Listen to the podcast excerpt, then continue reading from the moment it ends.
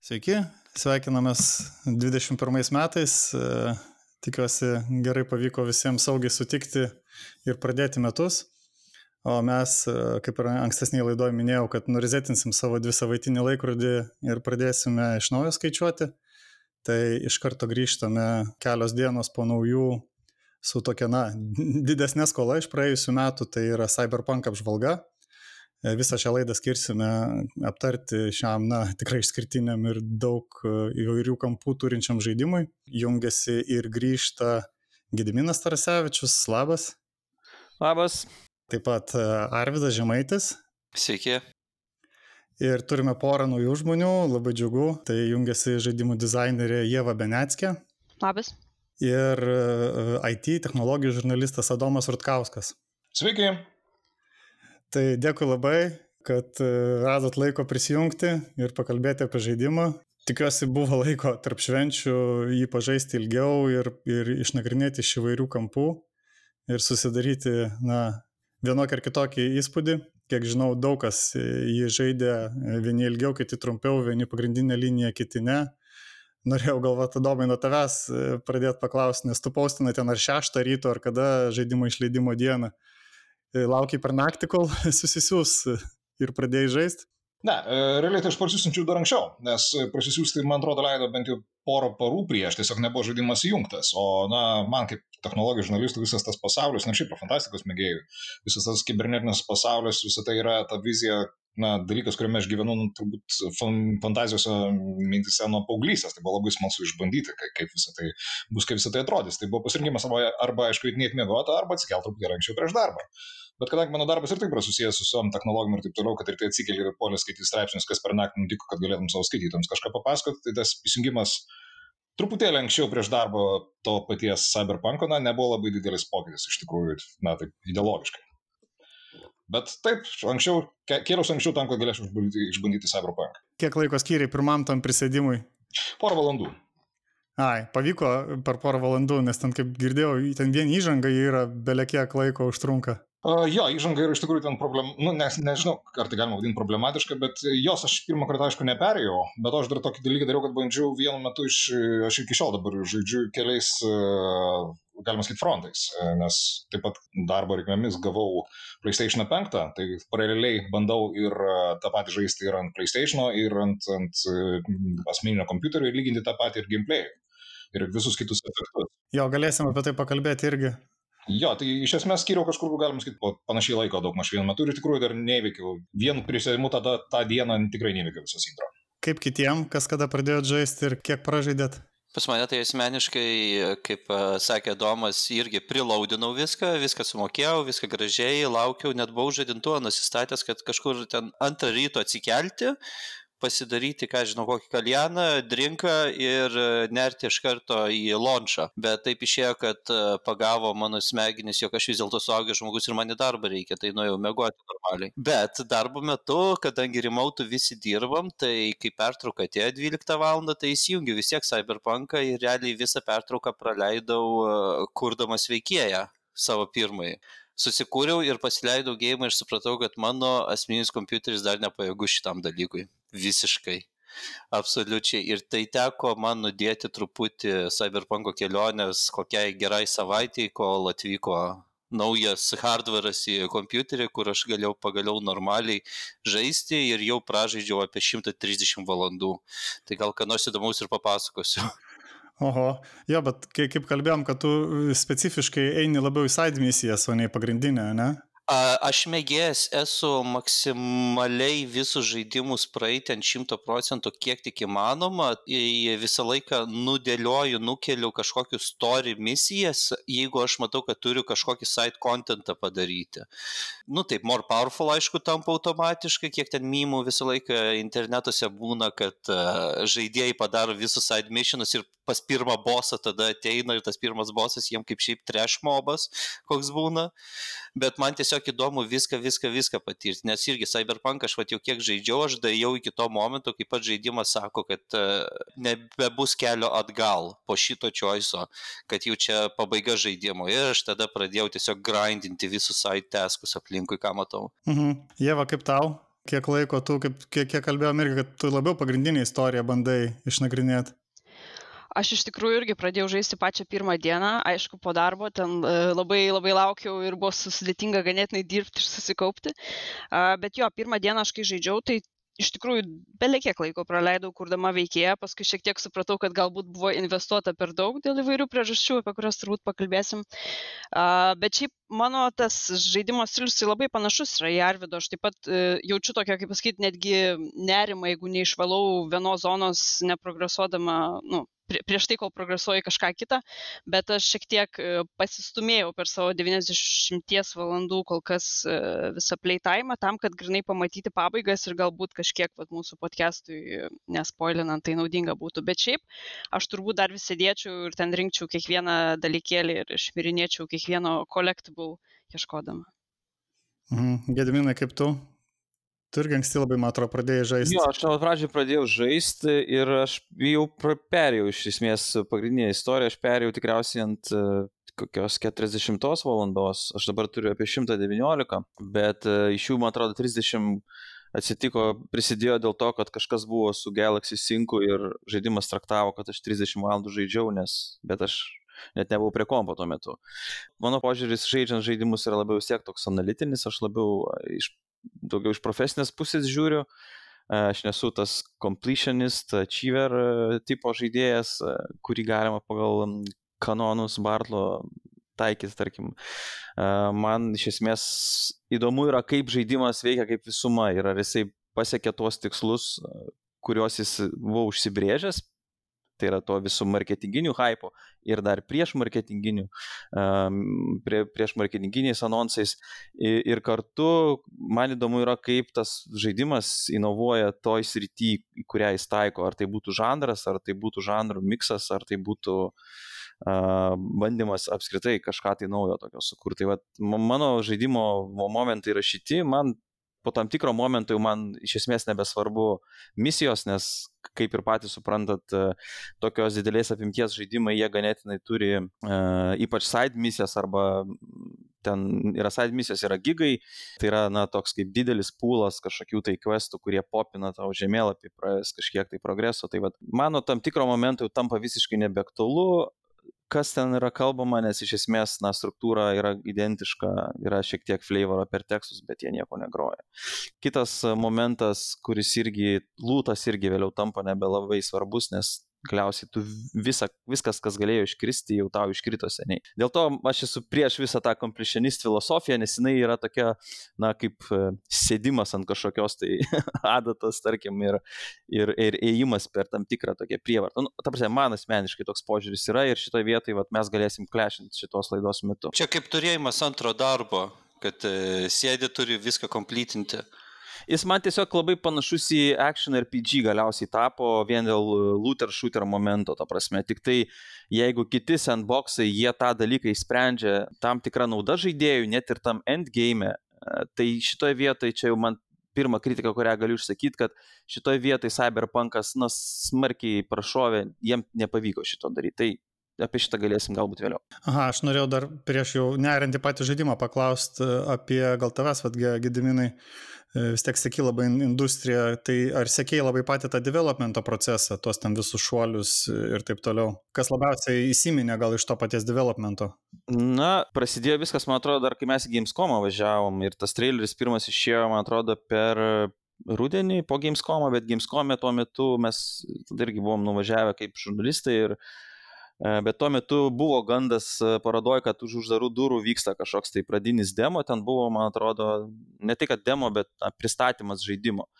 Ten buvo 13 ar 12, 12, man atrodo, metai. Bet paskui, kai patys tikriausiai na, jaučiat, jautėt per tuos paskutinius aštuonis metus, nes žaidimas, apie žaidimą buvo paskelbta 12 metais, jisai išėjo 20, 8 metų tarpas, tame tarpe, aišku, iki kokių 16-15 metų su Cyberpunku labai daug kas nevyko, nes ten dirbo, man atrodo, apie 15 žmonių, visi buvo tuo metu pačioj pradžioj dar visi tvarkė sulūžusi Witcherį antrą ant Xbox, PlayStation 3, Xbox 360 kartos tos konsolių. Tai yra dvi, dvi kartos konsolė atgal jie tvarkė Witcherį antrą, nes pirmas įkai konsolės Witcheris išėjo kaip po toks, tai daug žmonių dirbo su tuo, paskui Witcheris 3 buvo paskelbtas, tai vėlgi visa didžioji dalis kompanijos dirbo su Witcheriu, Witcheriu 3, nors jų vizija buvo, kad na, mes padarysim antrą komandą, vat, būtent vienas iš bendrai kuriejų tai teigia per pristatymą, kad mes nu, bildinam antrą komandą CD Projekt Red, kuri dirbs su Cyberpunku, bet jiem tas nepavyko, nes tiesiog jiems neužteko rankų prie trečio Witcherio, tai vėlgi procese buvo didelė dalis developerių vėl sugražinta į Witcherį 3 ir Cyberpunkas jisai egzistavo kažkur tai vakume, kažkur tai ilgą laikotarpį ir per tą laikotarpį labai daug uh, esminių žmonių, kurie pradėjo dirbti su Cyberpunku, jie tiesiog paliko kompaniją ir uh, ta vat, Cyberpunko kūrimo istorija, jinai labai turi daug momentų, kur labai kritinių esminių žaidimo direktorių,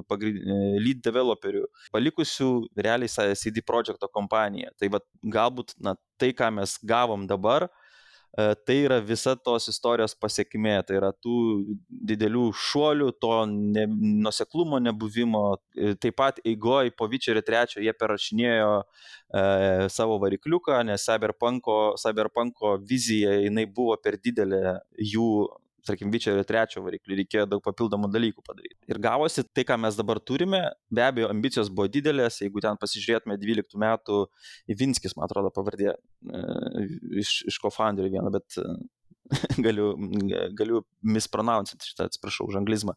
Jie, jie skelbė labai ambicingai, kad jie tiesiog apvers visą suvokimą šito žanro, futuristinio RPG, kad tai bus visiškai tai, ko niekas niekada nežaidė. Tai bus revoliucija, bus krūvos įvairiausių ginklų, bus gameplayus turės visokių crazy dalykų, tokių kaip laipimai sienomis ir, ir bus, jeigu prisimenat, pirmasis cinematic traileris turėjo sceną, kur personažas važiuoja metro ir tas metro turėjo būti žaidime, kurio dabar nėra, kurį dabar žaidėjai, kurio ten likučius atranda dabartiniam žaidimo pasauliu. Tai e, šitoje vietoje ambicijos buvo šiek tiek per didelis. Jie tiesiog bandė apžioti daugiau nei galėjo apžioti ir jie šiek tiek susidūrė su, na, su realybė. Nepamirškim, kad CD projektas yra tuo laikotarpiu, na, prieš Vičiai 3, tai ganėtinai, na, indie kompanija, nepaisant e, keletos, e, na, vidutinės sėkmės projektų, tai vis dar yra maža kompanija. Ir su Witcheriu trečiu tik tai kompanija sproksta, bet Cyberpunkas gimsta šiek tiek anksčiau, na, turiuomenį prieš Witcherį trečio išleidimą, tai vėlgi tai yra dar tos ambicijos, tai, ką jie turėjo tuo metu savo komandos sudėtyje, savo patirties, na, iš savo patirties jie buvo šiek tiek, na, per daug ambicingi, šiek tiek buvo per daug, na, pasitikintis savo jėgom, galvodami, kad užtenka tik labai norėti ir galiausiai mes šito pasieksim. Bet, bet realybė, kokią mes turim dabar, apie kurią mes galbūt pakalbėsim, jinai šiek tiek prasilenkia su to, kas buvo. Tai va tokia chronologija to, kas vyko. Jeigu kažkam labiau yra įdomu, na, detali chronologija, man atrodo, yra YouTube kanalas Skillup, kur yra pusantros valandos video, kur valandą skiria būtent pasakojimai nuo 12 metų iki 20 metų, kas, kas įvyko per visą produkcioną, tai ten ganėtinai daug informacijos surinkta. Tai nežinau, mes galėsim galbūt prie social posto pasidalinti nuorodai tą video tiem žmonėm, kuriem įdomu. Taip, būtinai pasidalinsim jo e, nuorodom, apie ką kalbėsim. E, dar prieš irgi e, pradedant apie patį žaidimą gilintis, apie kontekstą pakalbėti, apie cyberpunk visatą, tos pen and paper ar kaip jį pavadinti žaidimą domai, tu daugiau e, domėjai šitą sritim, gali papasakoti turbūt. Aš e, realiai labiausiai apskritai su Cyberpunku pirmą kartą susidūriau, neatsimenu kuriais e, metais, bet tai būtent žaidžiant pen and paper. Tai dar tą senąjį variantą su, su kauliukais ir taip toliau. Ir galbūt iš to ir susiformavo man visas tas vaizdas, kaip, na, koks turėtų būti. Aš, kiekvienas mes turbūt, kas laukiam kokio žaidimo, kiekvienas susikuriam savo įvaizdį. Ir, na, aš bent jau kiek dabar galiu vertinti šitas cyberpunkas nuo to klasikinio ir jo vizijos, kaip, kaip turėtų būti ateityje. Aišku, ten, jeigu aš neklystu, toliausiai pažengęs laikotarpis yra 2040-ieji toje klasikinėje cyberpunko linijoje. Tai čia yra dar toliau negu visas tas klasikinis, na, build-ups. Uh, tai mano manimu, kad čia yra na, visiškai toksai nuvažiavimas į šoną ne blogąją prasme, bet tai yra tiesiog na, nukrypimas nuo, nuo, nuo, nuo to, koksai linko vystėsi įvykiai, technologijos žingsnis tam klasikiniam kanonui. E, ar tai yra blogai? Nežinau, aš sakyčiau, kad tai yra tiesiog gavosi rezultate kažkoks spin-offas, kas galbūt nėra, nėra blogai. O dėl jų tada būtent to laikotarpio pasirinkimo, kodėl jie tada ėjo tolyn nuo, nuo to pen and paper originalo? Uh, matai, čia iš tą klausimą aš nelabai sakysiu, nes aš nelabai domėjausi viso žaidimo kūrimu. Nes aš į žaidimą labai pažiūriu kažką panašaus, galbūt kaip į kalėdinę dovaną, kad aš nemėgstu ieškoti, kur paslėpta, kas, kad, na, būtų ne tai, kad gal didesnis surprizas, bet aš noriu galutinį finalą gauti ir, ir jį pasinaudoti. Tai aš tiesiog nelabai sakiau ir žiūrėjau, kodėl buvo primami tokie anokie sprendimai. Aš labai vertinu patį rezultatą. Mhm. O tai kaip jo bendrai tada atitikimas e, su, su istorija, su kažkokiam taisyklėm to vat, cyberpunko pen and paper? Esmė tokia, kad e, taip, aš esu žaidęs, pradėjau, vis, visa pažintis su cyberpunku ir jo pasaulio man prasidėjo nuo pen and papers, e, to tradicinio RPG, ne kompiuterinio RPG žaidimo. Aš nelabai daug jo žaidžiau, bet na, užteko susidaryti savo kažkokį supratimą, kas tai yra ir, ir koks tas pasaulis yra jų kuriejų nuomonė. Tai lyginant su gautu rezultatu Cyberpunk 2077 žaidimu, tai žaidimas yra, sakyčiau, vertinčiau kaip tokį savotišką spin-offą kuriame yra paimta kai kurių elementų, tarkim, yra tas pats, na, aišku, pasirinktas vienas iš personažų tokių kertinių, galbūt ant tų visų herojų, kalbančių apie Johnny Silverhand, kuris yra pen and paper pasaulyje irgi pakankamai garsus ir, ir, ir aktyviai išnaudojamas personažas. Bet kalbant apie mechaniką, apie visus tos personažo kūrimo, modifikavimo, na ir visą tą tokį mechaninius dalykus, na, viskas pažaidimo, kompiuterinis žaidimas, tai yra, mano vertinimu, yra labai labai labai supaprastintas. Ar tai yra blogai, nežinau. Man asmeniškai galbūt net ir gerai, nes į pabaigą visas tas uh, E, popierinis PNP jį tobulinant, jį keičiant, leidžiant naujas versijas, darėsi jisai toksai, na, sudėtingesnis. Ir man jau viršijo komfortabilumo normą, kai jau buvo toksai dalykas, kad jau turi dirbti, kad žaistum. Nors mano komandai, su kuriais tuo metu žaidžiau tą RPG, jiems kaip tik tai patiko. Na tai kiekvienas žmogus, žmogus turi savo pomėgius. Bet e, aš sakyčiau, kad dabartinis tas Cyberpunk 2077 yra labiau priderintas masėms, o ne, o ne, ne, ne tiems tikriems nerdams, gykams, kurie tą pasaulį yra įsimylėję. Kas galbūt nėra blogai. Na, nu jo, čia kaip buvo kalbama, kad jisai įkvėpimo sėmėsi iš Blade Runner, iš Ghost in the Shell, e, iš tų va tokių filmų. Originaliam uh, Pen Paper Blade Runneris irgi darė pakankamai didelį įtaką. Uh, ir taip pat viena iš knygų buvo, nesimenu, autorius dabar Hardwired, Bet, va, pavyzdžiui, Hardwire aš pačiam žaidime, na, labai kažkokių didesnių momentų kol kas nepastebėjau. Galbūt dar bus ateityje, aš realiai kažkur įveikęs tik tai pusę istorijos kol kas. Tai aš dėl pačio sąsajų tarp žaidimo, pen and paper žaidimo ir šito žaidimo, tai nuo pat 12 metų, man atrodo, kai jie tik tai paskelbė apie, kad bus kūriamas toks žaidimas, na, iš karto buvo akcentuojama, kad yra The Cyberpunk game ir būtent pen and paper kuriejas Ponsmitas, jisai buvo pajungtas į projektą nuo pat pradžių. Ir ir vėlgi nesu, dabar tiksliai ne, negaliu pasakyti, kokiom sąlygom, bet, na, vos ne CD projektas ten labai perėmė vos ne visas na, teisės arba dalinai pasiemė teisės į tą, į tą visą visatą ir pats Pen and Paperis, man atrodo, 20 metais buvo jo ketvirta, e, ketvirtas leidimas išleistas, nes kai Cyberpunką panauncino kaip žaidimą kompiuterinį.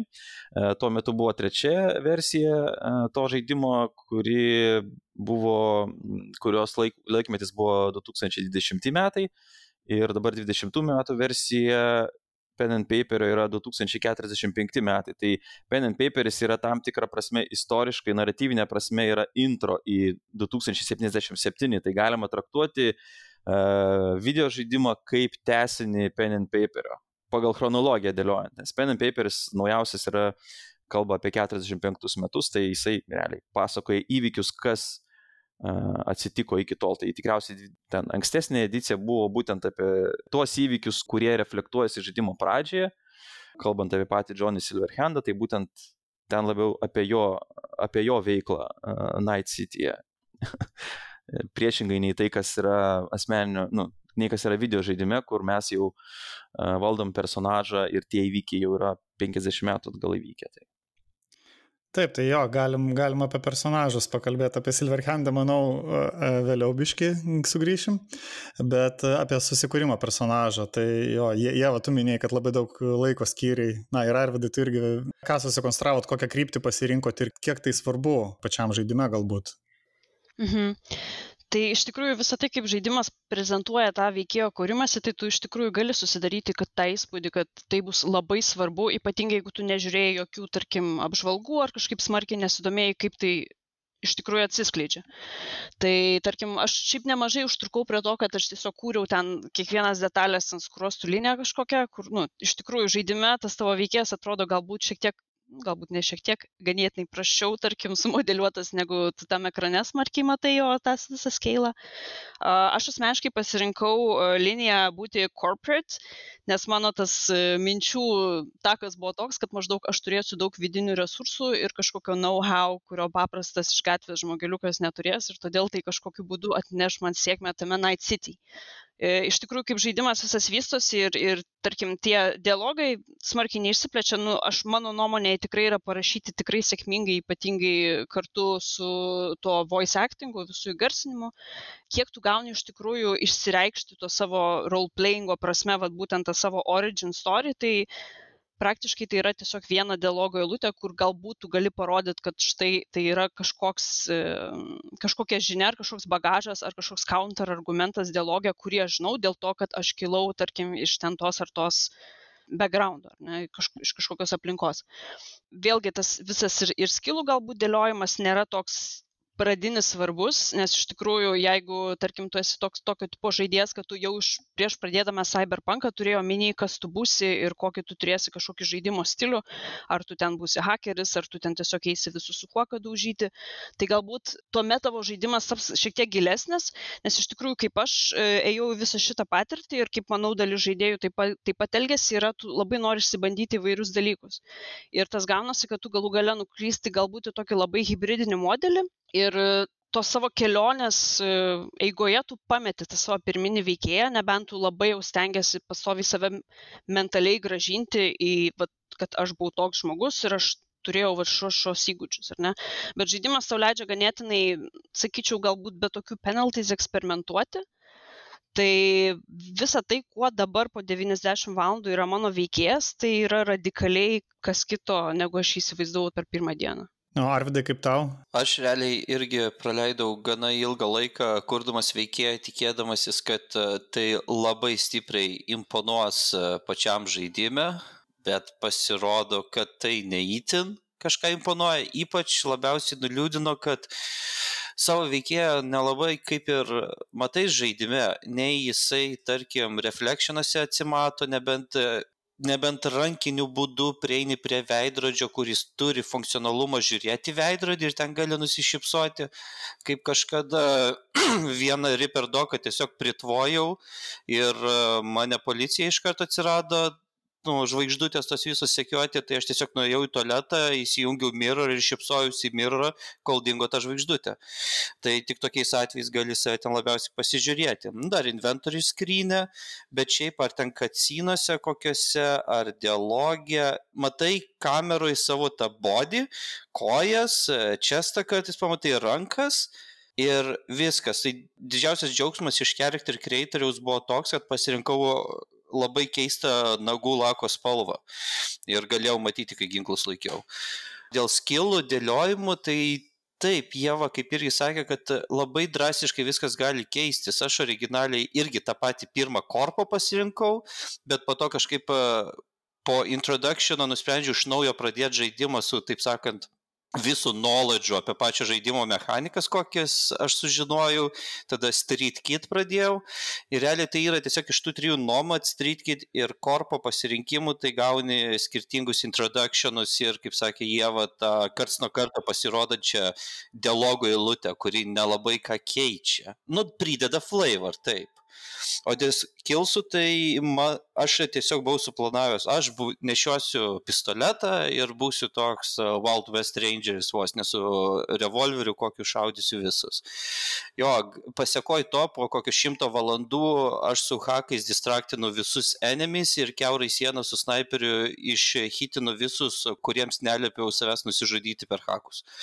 Tai čia visiškai weird pasikeitimas, bet tai įneša, mano manimu, labai daug customizability ir dinamiškumo žaidimui kad yra labai daug pasirinkimų, kaip tu apraučini kažkokį kombatą ar side gigą, nes dabar aš iš vis pilnai pasikeičiau, mano kombatuose nei vienos kulkos nebepaleidžiu, viską vien su hakais darau.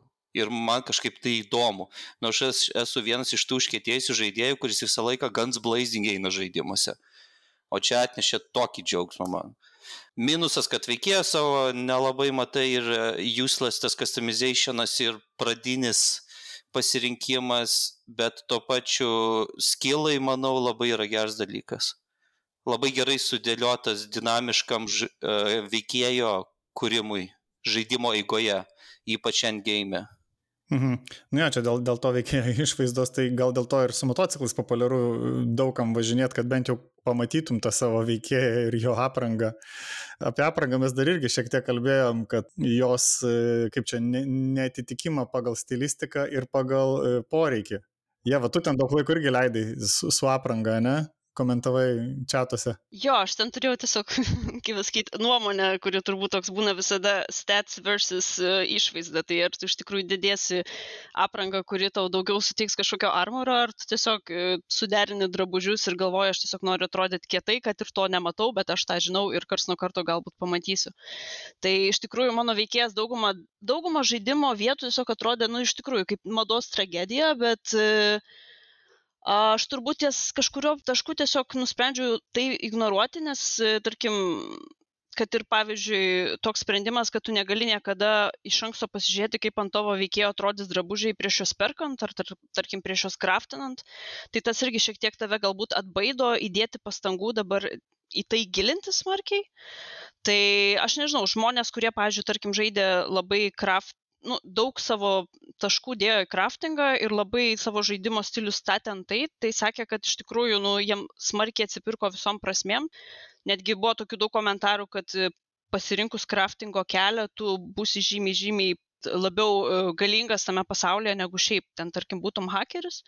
Nors iš tikrųjų žaidimas bendrai nėra sudėtingas, man atrodo, bent jau bet kuriam playstylui nežinau aš iš tikrųjų galvoju kad visa tai atsivers tada kai jeigu cd projekt red išlaikys savo pažadus akcininkam ir atsiras kažkoks multiplayeris ir tuomet turbūt ir tas sandbox aspektas išsivystys ir visas tas vanity kai kai tu nori atrodyt fainai kietai prieš kitus žaidėjus jis taip pat turbūt bus kažkaip papildytas. Na, nes dabar tokios nelabai didelės ir prasmės yra, ne į stilistiką žiūrėti. Na, nu, aš galiu iš, iš savo pusės galbūt pakomentuoti, aš būtent, vat, kaip jie keywordus du paminėjo, hakeris, crafteris, tai vat, mano ir yra personažas hakeris, crafteris, tai irgi kaip aš pradėjau nuo, nuo didelio investavimo į uh, Intelligence berots, ar atrodo Intelligence, um, ir po kuria ir yra būtent visi hakinimo dalykai ir paskui pridėjau dar craftingą kaip papildoma ten yra techo berots uh, skilas, kuris leidžia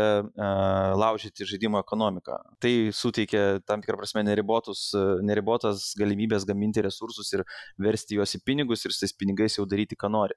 Bet kas iš tikrųjų problematiška yra žaidimo pačioj pradžiai, kas liečia rūbus ir va, tai, ką Jėva paminėjo, kad tu realiai tada renkiesi tiesiog kokie yra stacijai ir, ir tada jau nesvarbu, kaip tu atrodai.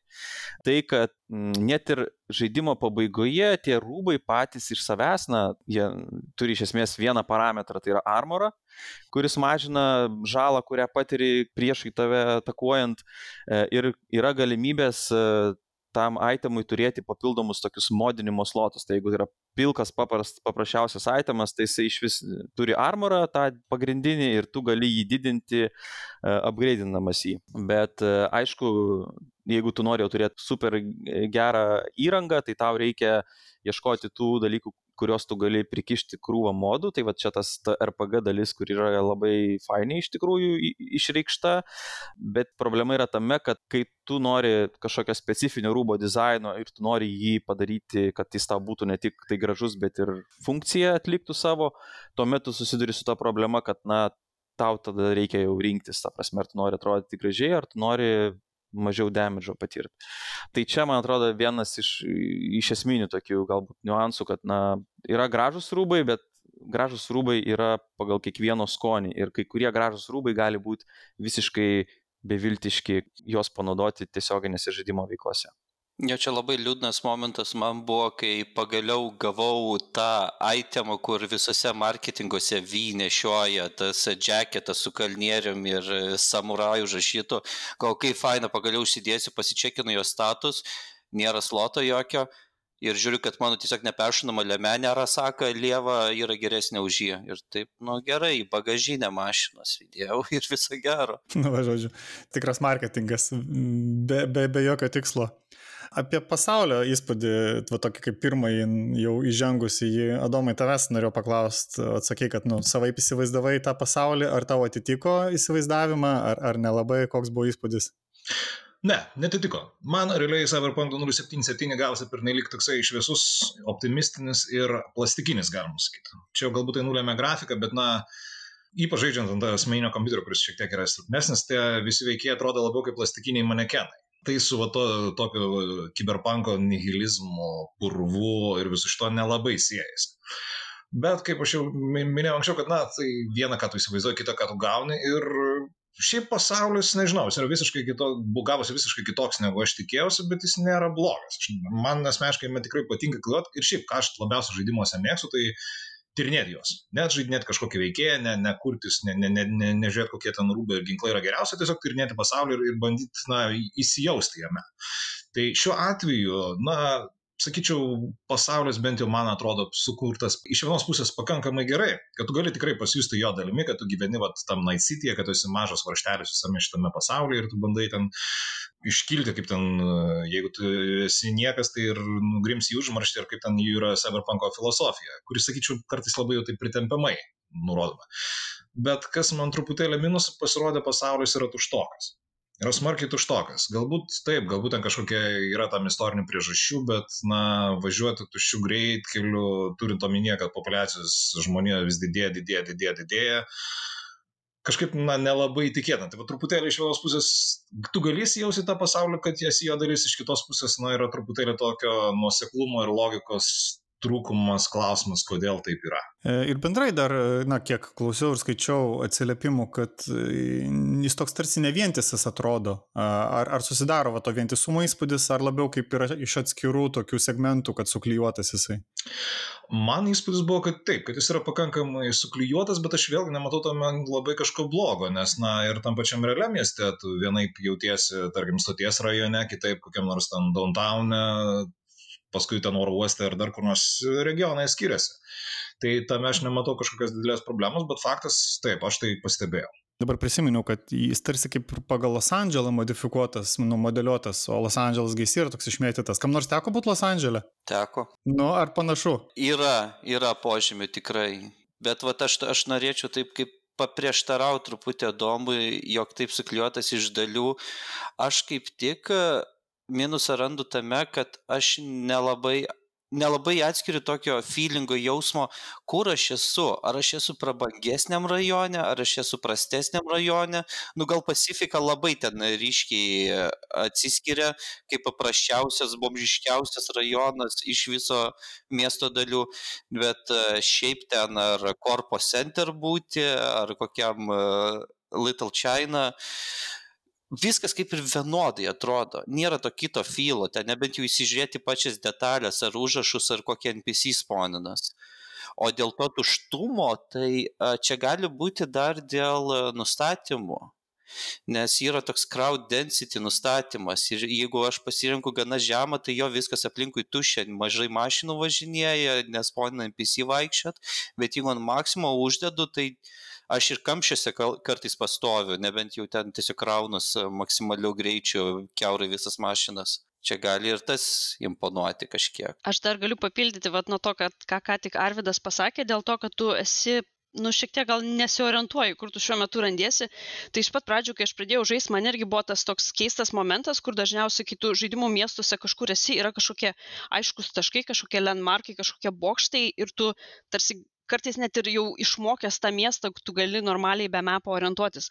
O Night Cities, tai man atrodo, kad šitoj vietoj, aš nežinau, ar tai buvo jų intencija ar ne, bet jie ganėtinai pataikė į tą tokią grynai tokia koncepto naratyvo prasme šiek tiek į temą kiberpankišką miestą, kur viskas yra užgriozinta, tarsi namai yra ant namų, keliai yra neaišku kur, ten visos reklamos ir vis, visa architektūra, jos tiesiog konkuruoja tarpusavį, tarp to dėmesio ir tai irgi kažkiek, tars, tarkim, reinforcina tą temą apie tą tokį, nu, kad yra konkurencija visame mieste ten dėl dėl reputacijos dėl turtų dėl kažkokio dėl tavo dėmesio galų gale kai tu tiesiog atakuojamas visų bilbordų ir iš tikrųjų kai tu ilgai užsibūni tam mieste pradeda jau būt tas jausmas kad tu pa kažkoks pavargsti tu paklysti kažkaip sunku atrodo tame gyvent tie visi aplink tave vaikščiojantys mediniai žmonės irgi pastoviai skundžiasi kaip čia yra blogai. Ir tuomet kai tu sėdi ant to motociklo ir tu išvažiuoji ten tiesiog už miesto ir pasižiūri jį iš toliau nu tiesiog atrodo kažkaip kvėpuot gera pasidaro ir aš tada kažkaip pagalvojau apie tą momentą, kad toks va, tiesiog kažkoks labai super random sumestas dizainas, nežinau, ar jis by design toks gavosi, bet tarsi atrodo, kad labai pataikė į tą temą. Aš truputėlį norėčiau atitarti Arvidui dėl to, kad e, visas miestas atrodo vienodas.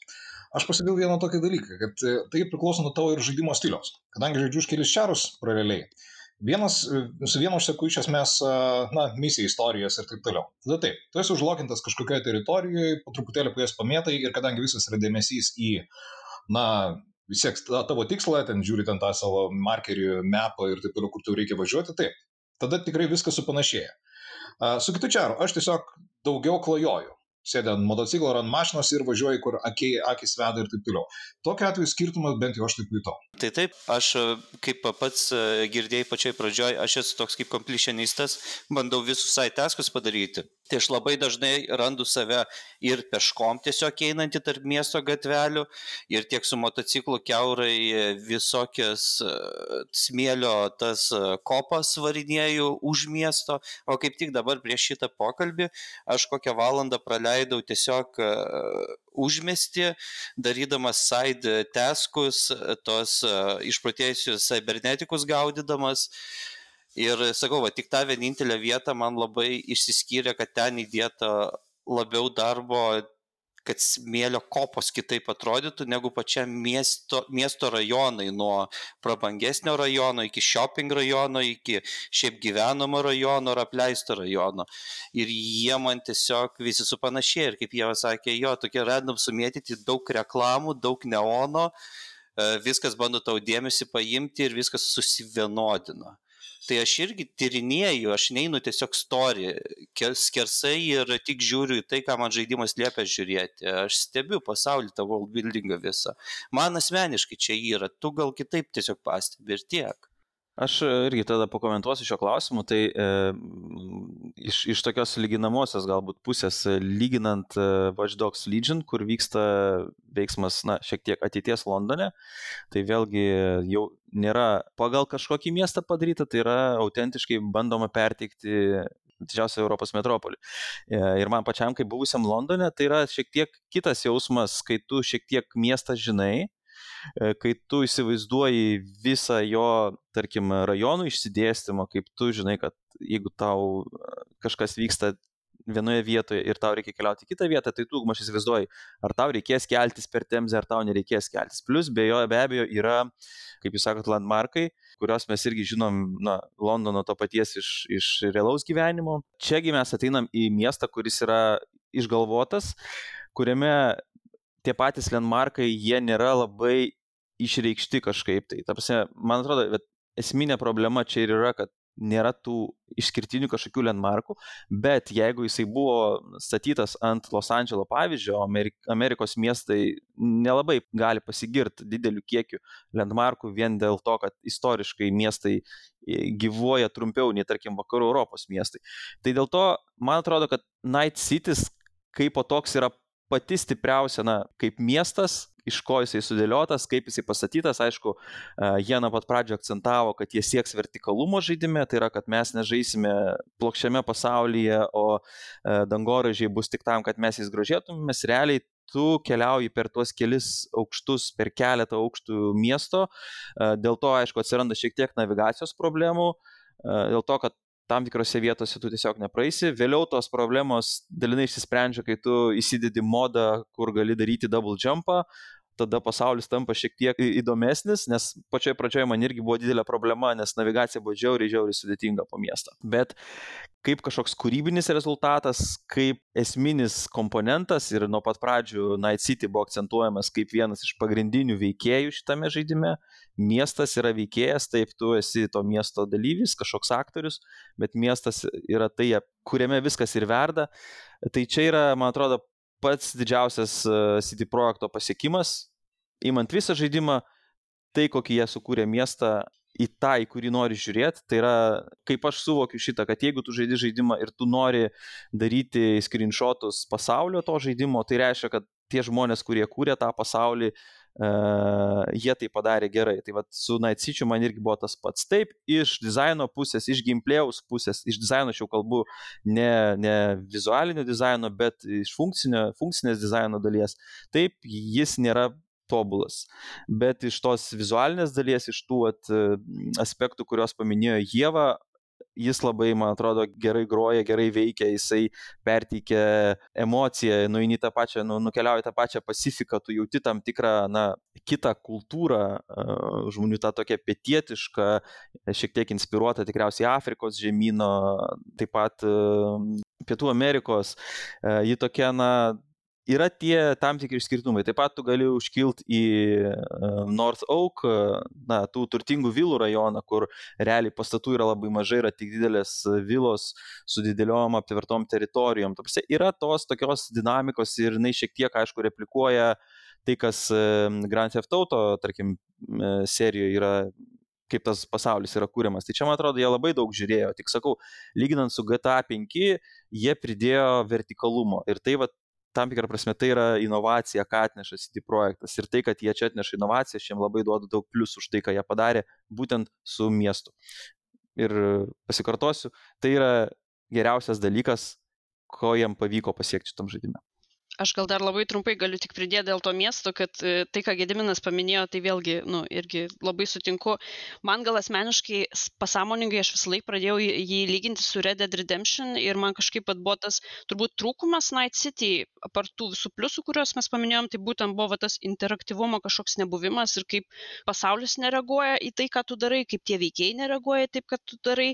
Ir netgi kalbėjau su nemažai draugų, kurie buvo, nu, šiek tiek nusivylę, kad, tarkim, prie, prie kažkokio bandelių pardavėjo ten negali nusipirkti iš jo bandelės arba jis tiesiog jos siunčia tolyn. Tarsi atrodo, kad vat, to tokio tam exploreriui, ar ne, kuris mėgsta eiti ir, ir daryti kažkokius dalykus ir žiūrėti, kaip pasaulis į tave sureaguos, galbūt ta vieta pasirodys iš tikrųjų šiek tiek pasenęs dizainas, tai čia, sakyčiau, to pasaulio buvo trūkumas. Tai jo, bet čia mes jau, vat, čia kalbam apie tą kitą aspektą. Tarsi, sakau, man, miestas kaip e, vizualinis, kaip propsai, kaip scenografija, žiauriai gerai. Bet kaip funkcionalūs dalykai, kaip komponentas, kuris įeina į gameplayaus brandolį, e, Night Cities, jisai feilina su krūva medalių ir trofijų didžiausių, ta prasme. Bet man atrodo, technologijos jiem pakišo koją, ambicijos pakišo koją. Miestas yra, yra miręs. Taip, sutinku su pačioj pradžiai sakytų Adomo. Miestas yra dead.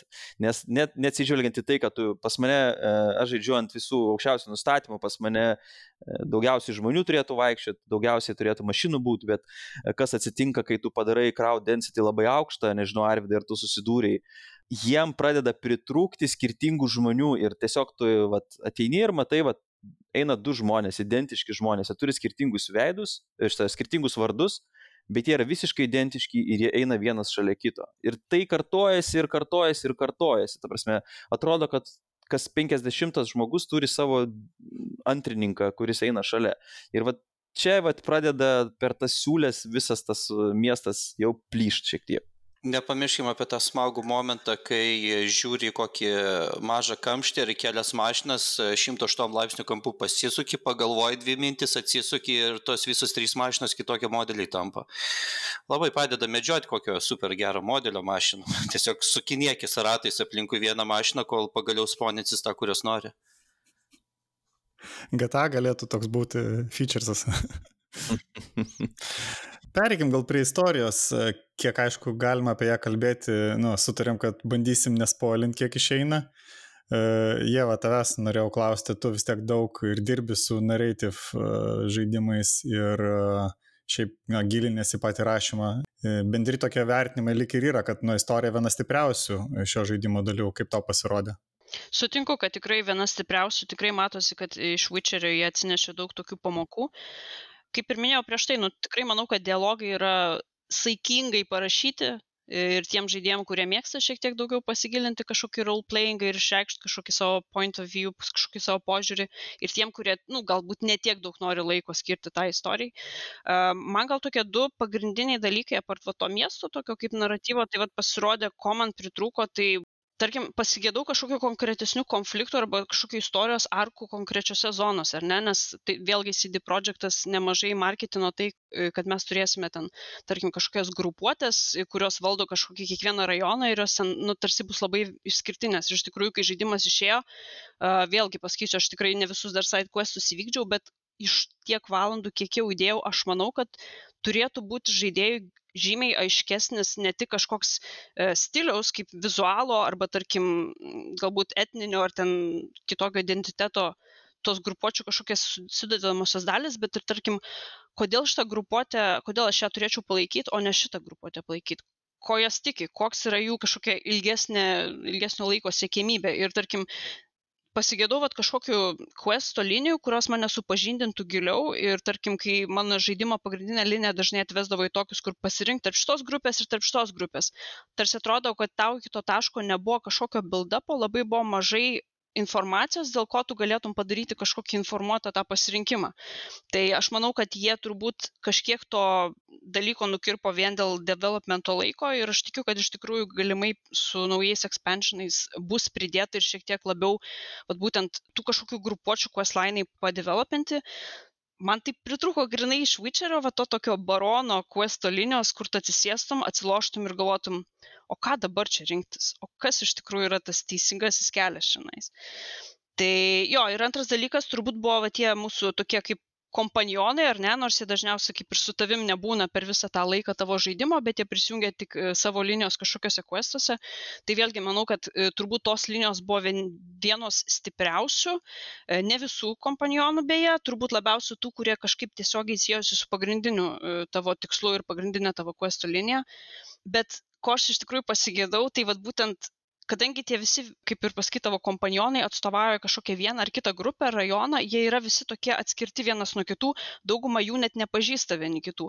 Ir tada būna, gaunasi, kad tu tarsi, tarkim, praleidi tą tokį opportunity pamatyti, kaip tie veikiai tarpusavį, ar ne, klešnasi. Tarkim, nu tu negali turėti kažkokio mes efekto stiliaus ten savo komandos, kur ten matai visų dinamiką su visais ir jie su tavimi eina ir yra visai kitas ryšys, bet tuo pačiu jie net ir neturi to tokio nežinau, Witcherio, ar ne, kur tu galvoji, okei, okay, jeigu aš dabar vat, naisiu su tris ir paskui Jennifer sužinos, kas čia bus man po to, tai vat ir to nėra. Ir tarsi atrodo, tu interaktini su tais atskirai žmonėm ir galbūt jo, Night City kontekste tai visai yra ok, kad nu, tai yra miestas, kuriame visi yra labai vieniši ir atskiri ir, ir nėra kažkokio nėra kažkokios dinamikos tarp tų veikėjų. Tai vat, realiai čia buvo tokie du dalykai, kuriuo aš labiausiai pasigėdau.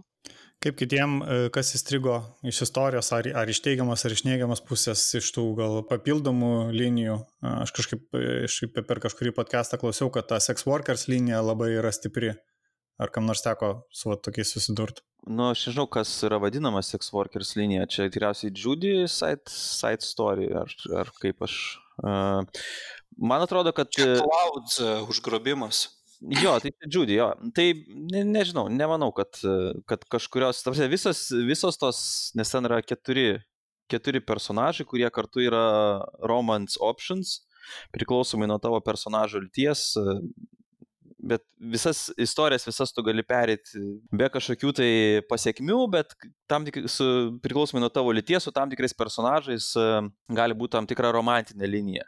Bet man atrodo, visos tos, visos tos istorijos jas turi savo tiek silpnų momentų, tiek stiprių momentų ir aišku, e, žvelgiant retrospektyviai, tai tie stiprus momentai labiausiai iš tikrųjų iškyla ir tikrai yra labai tokių na, įdomių atkarpų tam tikrose linijose, kurios tikrai na, ypač įtraukia tą braindance'o minigame, jeigu taip galim pavadinti, kai tu gali, na, žaidi tam tikrą detektyvinį žaidimą, kuriame tu peržiūri tam tikrą 3D vaizdo įrašą, kuriame tu rinki na, tam tikras na, užuominas ir galiausiai bandai atrasti sprendimą tą situaciją. Tai va, tokių epizodų tikrai yra labai labai stiprių šitam žaidime, tik tiek, kad jų yra ganėtinai yra ganėtinai, jie labai stiprus, bet jų yra ganėtinai mažai. Ir galbūt aš sakyčiau, gal kiekvienoje to istorijoje yra po, po vieną max labai gerą ir kai kuriuose yra galbūt po du tokius tikrai gerus, na, pavadinkim, questus, kai tu pradedi ir baigiai be jokios na, pertraukos e,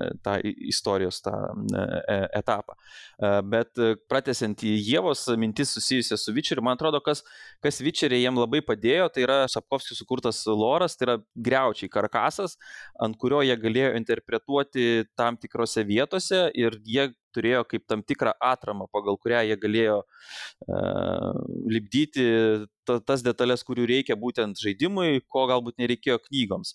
Tai čia, ko jie vat, būtent ir neturėjo, jie turėjo Cyberpunk pen and paperį, kuris iš esmės yra labiau žaidimo mechanika, yra galbūt settingas, bet jis tikriausiai nėra tiek išdirbtas, kiek, kiek Raganiaus knygose išdirbtos yra istorijos ir nuotykiai ir visa kita.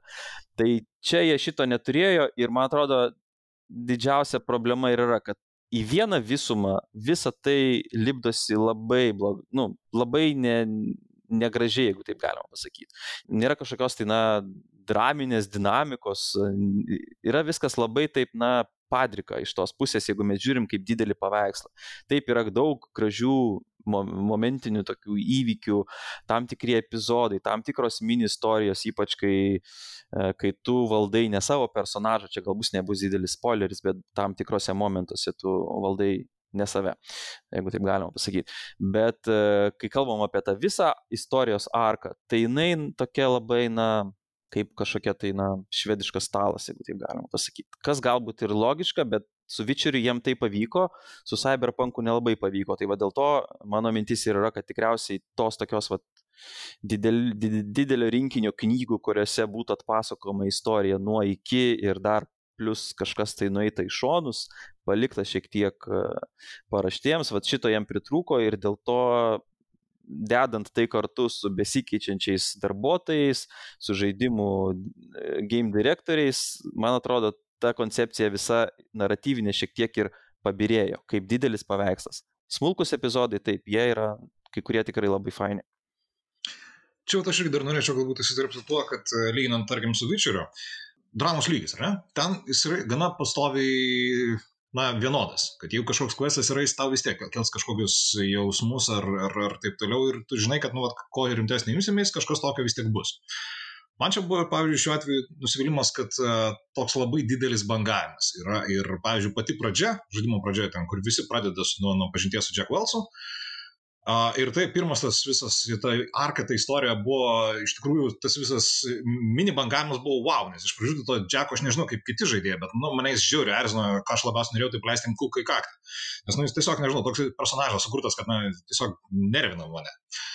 Ir viskas, kai jo istorija baigėsi, gavosi visiškai priešingas rezultatas, kad, na, iš tikrųjų tave paveikė, parodo, kad, na, visgi kitoks buvo, yra kitoks negu iš pradžių tavo atrodo. Tai vad, pirmas buvo efektas, kad, wow, visa šita arka yra jėga ir jeigu visose kitokiose stambesniuose istorijos linijose bus kažkas tokio, tai čia bus labai geras gėjimas. Bet to nebuvo. Bent jau aš kol kas, kiek esu praėjęs, tokio stiprumo aš nieko nepastebėjau. Man labai asmeniškai trūko tiesiog konsekvencijas, taip sakant. Nėra momentų, kad tavo pasirinkimas kažką nulemtų. Va, ta pati arka apie seks workerius, klaudų e, užgrobimų šnekant, tai aš tam tikrus choices dariau e, viso to quest linijos metu ir pačioj pabaigoj kad e, rezultate ant manęs Judy labai supyko ir toks jausmas, kad viskas, su Judy tu gyvenime nebešnekėsim, nebeskambinsim, nieko nebus, bet po to jie pat skambina, ai, varom tūsint. Tipo, vis, viskas pamiršta, kažkaip žaidimas viską išsuka, kad vis tiek kokius raudus tu paimsi, tu grįši į tą patį end goalą. Tai va tas labai nuliūdino, kad nelabai yra tų konsekvencų. Jo, čia dar aš su kitu personažu turėjau irgi, vat, kai tu baigi jo tą arką ir yra vat, pabaigoje tas toksai choices. Ir mano atveju su tuo personažu buvo labai toks keistas choices. Prasme, ne tik, kad keistas, bet pasirinkimas.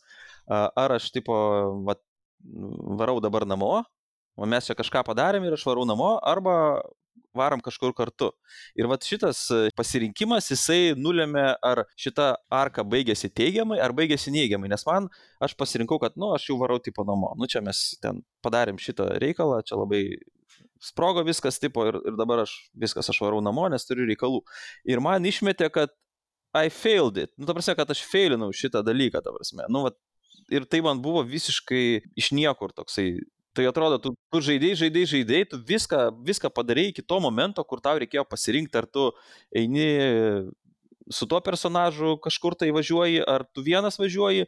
Ir šitoje vietoje žaidimas nusprendė, ar aš feilinu ar nefeilinu. Tapsi ant tokio nereikšmingo choice'o e, užkabintas toks didelis, didelis svoris. Nu, vat, ir aš nebijoju, kad su kitais personažais galėjo irgi. Stipriai sulaužo įsitraukimą tą immersioną, kai žaidimas pats nusprendžia, kada tu feilini tavo choices pasirinkdamas RPG žaidime, kur tu turi kurti savo choices. Tai čia jo, immersion breaking labai.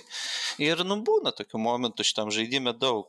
Turbūt aš manau, kad iš tikrųjų ta didelė problema su tais choices, nes iš tikrųjų, ką tu atlieki questų metu, tu karts nuo karto gali sutikti pasaulį, bet jeigu tu nesi eksploreris, dažnai tu nepamatysi. Ir visą tai labai subėga į visą žaidimo pabaigą ir kas tau atsirakina būtent paskutiniuose žaidimo chapteriuose. Ir aš manau, kad žinant, kad kiek daug žaidėjų iš tikrųjų šiais laikais niekada net nepabaigė žaidimo ir nepabaigė istorijos, tai palikti visas pasiekmes, supilti į tą tokį piltuvėlį į žaidimo pabaigą, tai yra šiek tiek jau toks ganėtinai senas, arhaiškas būdas daryti. Tai manau, už to vietoj tikrai galėjo pasistengti daugiau tos moment, moment feedbacko, kodėl ir ką tu padarėjai ir ką tai reiškia. Būtų labai fainai, jeigu pats pasaulis, tarkim, keistųsi po truputį, net ir į subtiliai, e, priklausomai, kai istorija progresina, ar ten kokius choice padarai, va, pavyzdžiui, kai Batman Arkham Asylum yra, aš jį kelis kartus žaidžiau ir tik jaučiu tik per antrą kartą, kai žaidžiau, aš pastebėjau, kad uh, mano kostiumas plėšosi einant storyline'ui. Kuo giliau aš einu į tą žaidimą, tuo labiau damaged yra pats tas Batmanas. Ir tai immersioną labai daug duoda. Vat šito irgi būtų norėtųsi. Aš vat nepam kažkokiam irgi open world žaidime tai buvo, kad žaidži žaidži ir keičiasi pats pasaulis aplinkui tave priklausomai nuo tavo choice, tik dabar neatsimenu, kuris tiksliai. Šito būtų labai norėt, norėtųsi Night City matyti. Dar kalbant ten apie istoriją ir, ir veikėjų linijas, vis tiek reikia paliesti e, Silverhando, kažkiek bent jau nedaug, e, nes labai, na, bent jau kiek kažkur skaičiau, tai labai prieštaringos nuomonės, kad vieni labai gyrė visą šitą, o kitiem kažkaip labai trigerina, kaip kam patiko, nepatiko šita visa, kaip ir pagrindinė tokia turbūt e, dalis istorijos. Uh, nu, galiu aš užsiminti, Adomas, kaip sakė, norėjo Jackie Velsui kulką paleisti į kaktą, tai taip aš norėjau Johnny Silverhandui į kaktą paleisti kulką. Buvau užsiminęs e, čia keliose pokalbėse, kad e, aš manau, mano asmeninė nuomonė, kuri gali skirtis nuo visų, jog e, Keanu Reevesas neturėtų būti voice aktorius, nes jį labai pjaunasi jo voisas su aplinkui kitų veikėjų profesionaliais voice aktoriais, bet man kaip Gediminas buvo pasakęs, kad gerėja link toliau einant žaidimo, tai turbūt pats Keanu Reevesas įsivažiavo į tą rolę ir taip sutinku, aš toliau žaidžiu tą žaidimą ir gerėja. Tikrai geriau skamba visi jo voice line'ai, bet vis tiek turi tą tokio I'm a dickhead intonacijos, kas yra jo veikėjas realiai. Nu, man asmeniškai tas ryšys su Johnny Silverhandis man visai patiko. E, negaliu komentuoti apie Kianų patį, nes man dažnai tiesiog norėdavosi, e, kaip sakyti, man šiek tiek John Wickas visą laiką atsimindavo ir aš kažkiek projektuodavau tą veikėją su tuo aktorium, kurį aš nu, labiausiai asocijuoju su. Tai, tarkim, galbūt kai kuriais momentais man tai trukdė ir netgi įtakojo mano playstylą. E, sunku papasakoti, nespoilinant, bet yra epizodų, kur tu galbūt nori pabūti John Wicku. Man šiaip Johnis patiko dėl to, kad aš retrospektyviai kai apie tai pagalvojau, vėlgi labai atsargiai čia reikia nesuspoilinti, e, kad jisai tam tikrą prasme šiaip yra tos tavo istorijos toks antagonistas, su kuriuo tu susigyveni ir kuris tampa tavo tokio kūno ir identiteto dalimi įvairiais būdais per tą istoriją ir galų gale visas tas jūsų ryšys labai priklauso taip pat nuo tų kažkiek priklauso nuo tų side questų, kuriuos tu darai. Ir aš kažkaip dažnai susimastydavau po questų, ką aš būčiau darius kitaip, jeigu man Džonis nebūtų ten ant pėties kažką pašnipždėjęs, kad tu gal su šitais neik, o tu gal, žinok, nepasitikėk, o tu gal kažkaip nedaryk.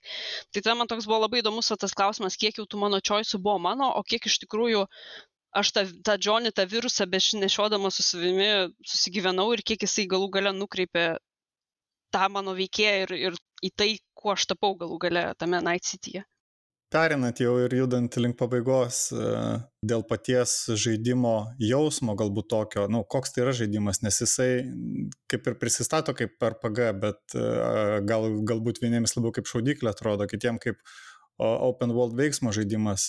Kas kam labiausiai vat, įstrigo iš paties gameplayaus, ką labiausiai akcentuotumėt, na, vat, nežinantiems žmonėms, kaip jį įsivaizduoti? Aš galbūt sakyčiau taip. Aš pat, kadangi, vat, kaip sakiau, žaidžiu iš karto už du čiarus, tai realiai situacija yra tokia, kad kaip tu žaisi, tau vis tiek gausis. Ir tai yra puiku, mano vertinimu. Vienas mano čiaras tiesiog grinai pats žaidimas pasidarė šūteris. Be jokių ten ypatingų hekinimų, yra kažkokia misija, kažką reikia sunaikinti, gerai, praeisiu kaip tankas, puiku, man tai yra tiesiog nailinis šūteris. Kitam bandžiau kalbėti, va, truputėlį dialogų man pritruko, kad sprendimo, tarkim, kai būdavo falautė, kad tu ten gali keletą būdų skirtingų pereiti. Nu, va šito man labai pritruko. Bet vėlgi, tu gali tai daryti kažkiek, galbūt jau tada paties savo pastangų reikės įdėti, kad gautųsi, na, toksai jau tas roleplayus. Bet irgi tai yra įmanoma. Tai man tuo kol kas ir patiko, kad kaip žaisi, taip viskas tau gausis. Ar patiks ar ne, čia kitas klausimas, bet taip, kad kažkur užstriktų mirtinai, tokios vietos, na, aš bent jau nesusidūriau kol kas. Aš irgi sutiksiu su Adomu, ką ir prieš tai sakiau, realiai žaidimas tau duoda užtektinai pagalbės išsibandyti, ja, net jeigu tu nesi kažko žaidęs panašaus, kas tau patinka žaidime ir galų gale paskui jau toli nuėjęs, jeigu suprasi, kad tam tikri aspektai, tarkim, tau labai nepatinka hackinti, arba tau yra visiškai, tarkim, neįdomu stealthinti, tai tu gali nueiti, susimokėti pinigus ir tiesiog savo visus skilus persidėlioti, kai tu jau atrandi save tame tam mieste. Jo, pavyzdžiui, yra toks dalykas, kad jeigu ant taip nemėgsti hekinimo, o realiai tavo kūnas turi čipo modifikacija, kuri eina operacinė sistema kažkokia, kuri laiko visokius tavo tos demonus. Demonai tai yra cyberpunkė tie hekai visokiausi, ten ar pinginti, ar e, šoką duoti veikėjų, ar jie pakinti ir taip toliau. Tai tu jį gali swapinti į kažkokį implantą, kuris tau, tarkim, reidžo duoda. Ir tu visiškai pamiršti apie tą hack aspektą, jeigu tau jis nepatinka ir nenori jom užsiminėti, bet jis tau tuo pačiu neužima kažkokios E, vietos e, bereikalingai inventoriuje ar ant tavo veikėjo statų, tu vis tiek jį gali išnaudoti kažkam kitam.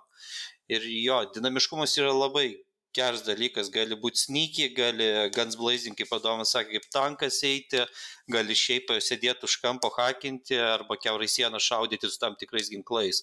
Ko trūko, tai realiai ginklų pasirinkimo. Kaip e, mano Gediminas sakė pradžioj podcast'o, jog uh, jog žadėjo CD Projekt Redas labai labai daug ginklų, ko pasiekoj, tai aš tą patį per tą patį ginklą vis matau ir nelabai ką ten daug rasi. Tiesiog eini parduotuvės ir parduodi tą patį per tą patį. Tai aš galbūt iš e, žanrinio tokio kanono galiu šiek tiek panalizuoti, kas yra su cyberpunku. Tai jeigu mes, na, vienas iš traktavimų taip yra RPG, bet kitas ambicijos yra immersive simas, tai, kas prasidėjo su galbūt System Shocku, su Thief, su Deus Ex. E, ir kitas momentas, aišku, yra tas Open Worldas, kuris irgi lipdosi prie viso šito. Ir aš prieš tai skaičiau Adomo, būtent apžvalgą, kurią jis parašė Lietuvos rytui, jis irgi uh, minėjo GTA, minėjo Deus Exą, uh, neminėjo Watch Dogs Legion, bet um, aš aišku, ką tik buvau baigė, baigęs žaisti Watch Dogs Legion, tai man Cyberpunkas atrodė, kad daug dalykų yra tas pats, tik tai tas iš open world aspekto, Ubisoftas kaip meistrai open world, tai yra nesulyginami dalykai open world, Cyberpunko ir tarkim Ubisoft open world, CD projektų dar reikia daug dirbti, daug patirties įgauti, kad jie šitą dalyką galėtų padaryti. Ir dėl to aš labai esu nedėčiau daug vilčių į multiplayerį, nebent jie viską iš naujo padarys, tada galbūt kažkas ir gausis, bet tai, kas dabar yra Night City, ant šito multiplayerio, man atrodo, tiesiog neužlipdys, jis tiesiog neįmanomas dalykas yra. Tai va, bet grįžtant prie žaidimo sistemų, tai tarkim turinio, žaidimo turinio vartojimo modelis yra, na, ganėtinai, na, besikartojantis. Kaip tu tą turinį vartosi, kalbam apie kažkokią misiją, kuri turi kažkokią tai struktūrą, kad va tau yra tikslas, e, tau reikia kaž, kažką tai pasiekti ir va tu turi šitą iššūkį, tai yra tą tokį e, action puzzlerį, kur yra kažkokia, kažkokia zona, kurioje vaikšto priešai ir tau reikia paimti kažkokius dokumentus arba išgelbėti kažkokį tai nukentėjusi, kuris ten užrakintas Rusija ar panašiai. Tai šitose situacijose be abejo, na, tų įrankių, kaip žaidėjas gali šitą problemą spręsti, yra įvairiausių. Čia kolegos nepaminėjo stealth e, krypties, tai yra e, tas režimas, kuris, kurio žaisdamas tu akcentuoji slaptumą, kad tu įeini nepastebėtas, tu padarai ką reikia ir išeini nepastebėtas, niekas apie tave nežinojo, bet tu misijos tikslą pasiekiai. E, aš nesu stealth žaidėjas, bet toj pirmoji daly iki Cyberpunk logotipo žaidimo pasirodymo, pirmoji misijai tu labai daug žaidži stealtho, nes nu, žaidimas skatina tave taip daryti, nes kitaip e, tau bus ganėtinai sudėtinga. Tai man pasirodė, kad stealth sistemos plus minus veikia pakankamai, kad būtų galima mėgautis šituo režimu. Kalbant apie kitas alternatyvas, hackingas yra ganėtinai na, paprastas ilgojo laikotarpiu, kai tu jau turi susirinkęs pačius galingiausius quick hackus, tai tu praktiškai ateini prie tvoros, e, susipingini visus priešus ir juos visus vieną po kito sudegini. Ir tada tiesiog eini susirenki lūtą ir pasiemi mission objektyvą ir viskas tavo misija kaip ir e, baigta. Kas liečia actioną, taip, šaudimas yra labai fainas, aišku, dabartiniai industrijos standartai jau neleidžia daryti prasto šaudimo, jeigu pas tave žaidime yra šaudimas, jis turi būti e, sultingas, jis turi, ginklai turi labai gerai skambėti, turi būti daug purslų, daug, na, tu turi jausti pasitenkinimą iš to momento, kai kulka pataiko į tavo priešą. Tai šitas pas juos veikia gerai, problema yra patys priešai. Priešai yra žiauriai kvaili, dirbtinis intelektas yra labai žemo lygio, priešai yra labai statiški, tarkim, nu, man pavyzdžiui, atėjus nuo Watch Dogs Legion, kur priešai gali laipėti, kur gali apeiti tave iš šono per užlipdami kažkokiomis kopėčiomis ir, ir taip tau sukelti kažkokių problemų ir skatinti tave judėti aikštėje kovos laukia. Čia šito nėra, priešai nelabai ten net laiptais moka lipti realiai.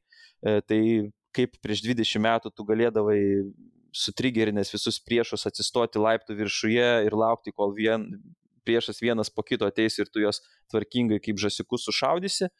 Tai šičia mes esam praeitie, kas liečia su šituo aspektu, tai iš tos pusės šaudimas jisai veikia kaip šaudimas, bet kaip statyti jį kaip kažkokį tai tai, kas teikia džiaugsmo dėl to, kad žaidimas duoda tinkamą challenge, tai aš ne, esu labai neigiamai iš to nusistatęs, ypač kai yra tokios situacijos, kur kartais net matai, kaip specialiai e, žaidimų kuriejai yra padarę tą modelį, kad jeigu tu netyčia neidentifikavai, kad tu stovi šalia sprokstamo objekto, ir tu šaudaisi su priešu, tai tikriausiai na, pirma priešo kulka šaus tiesiai į tą uh, sprokstantį konteinerį ir tai reikš, kad tu mirsi nuo vienos kulkos. Taip, tai yra logiška, priešai taip elgtųsi, bet tai yra per daug protinga priešam, nes kitose situacijose jie elgesi visiškai kaip, kaip paskutiniai idiotai. Bet šitoje situacijoje jie įskriptino šitą dalyką. Plečiant skriptinimo dalyką, tai viskas šitame žaidime, visas open worldas yra suskriptintas, visi faini momentai, kad būtų faini, tie skriptai turi veikti. Ir visos tos situacijos tiek misijose, kur yra kažkoks tai, atsiranda kažkokia tai dinamika, open world, nu, atviram pasauliu žaidimo. Viskas ten yra suskriptinta ir jeigu jūs žaisit, jūs pamatysit. Ir ypač pamatysit tose situacijose, kur skriptai nustoja veikti. Pavyzdžiui, misijoje, kur jums reikia vytis policijos automobilį ir matot, kaip kokiam tai action filme, kai vyksta kažkokia tai, kažkokios tai gaudynės, daug filmų naudoja tas scenas, kai visokios mašinos įlenda priešais, na, trukdo tau kažką tai vytis arba trukdo tau pabėgti nuo kažko tai. Tai ten labai viskas, būtent cyberpunk'e, tos skriptintos, pavyzdžiui, gaudinių situacijos, jos taip apnuogina visas žaidimo broką, kad net, nu, nu, net graudu darosi. Nes pavyzdžiui, važiuoji per tuščią rajoną, kuriame visiškai nėra transporto ir tu vėjiesi automobilį ir tu matai, kaip iš niekur sponinasi mašinos, prikrautos kažkokių tai pilnos žmonių prisėdusių, kurie šaudo, jos tiesiog pravažiuoja ir kažkur nuvažiuoja ir tu lieki nesupratęs, ar čia jie norėjo tave sustabdyti, ar čia jie norėjo tave sušaudyti. Ta prasme, vat, yra kažkokie tai misijų kažkokios problemos, kažkokie taimingo kažkokios problemos, kur viskas labai, visas, visa ta iliuzija labai smarkiai subyra viso šito pasaulio. Ir va čia yra graudžiausias dalykas, kuris realiai ir atsispindi tikriausiai tai, kad jie turėjo per mažai laiko tam padaryti, per daug buvo ambicijų, per prastas managementas ir per daug nusivylusių žmonių, kurie tikriausiai praleido prie projekto šešis metus ir aš neįsivaizduoju, kokia buvo psichologinė būsena praėjusiais metais, e, bandant pristumti šitą žaidimą į finišą. Dar paantrysiu Adomui beros dėl dialogų, dėl galimybės išspręsti situaciją per dialogus.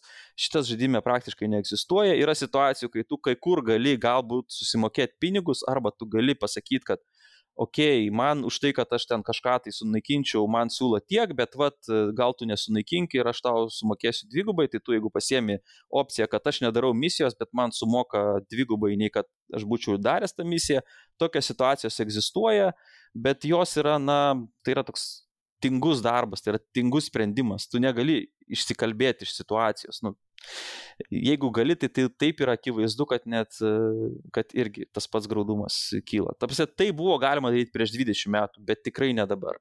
Kiti momentai yra vienas minigėjimas hekinimo, aš nežinau, kokias jūsų nuomonės, aš iki galo dar nesupratau, kaip jisai veikia, bet plius minus pavyksta didžią dalį dalykų prahekinti, bet, bet šiaip yra tas vienas minigėjimas ir yra ta braindance sistema, kurią aš ir anksčiau minėjau, kuri yra įdomi, bet tų epizodų nėra daug, uh, kur tu žaidi žaidimą būtent šitam režime, tai galbūt ateityje jie kažką padarys.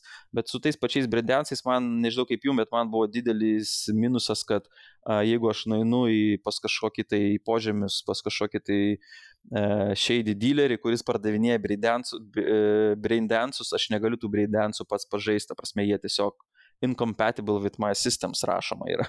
tai va čia galbūt būtų buvę visai įdomu, kad jie būtų ten skyrę porą junior dizainerių, kurie būtų padarę tokius, na, custom braindansus, kur tu tiesiog jos patiri, bet nieko žaidime tai ne, neturi jokios įtakos pačiam žaidimo istorijai, ta prasme. Tai kas liečia sistemas, tai aš tiesiog žiauriai esu kritiškas ir jokių inovacijų, jokio kažkokio proveržio, jokių įdomių dalykų. Tai, kas prieš dešimt metų galbūt būtų buvę wow, dabar tai yra nieko ypatingo, kai kurie dalykai yra retro, ne retro futuristiniai, bet retro. Tai yra tas pats, pavyzdžiui, automobilių važinėjimas.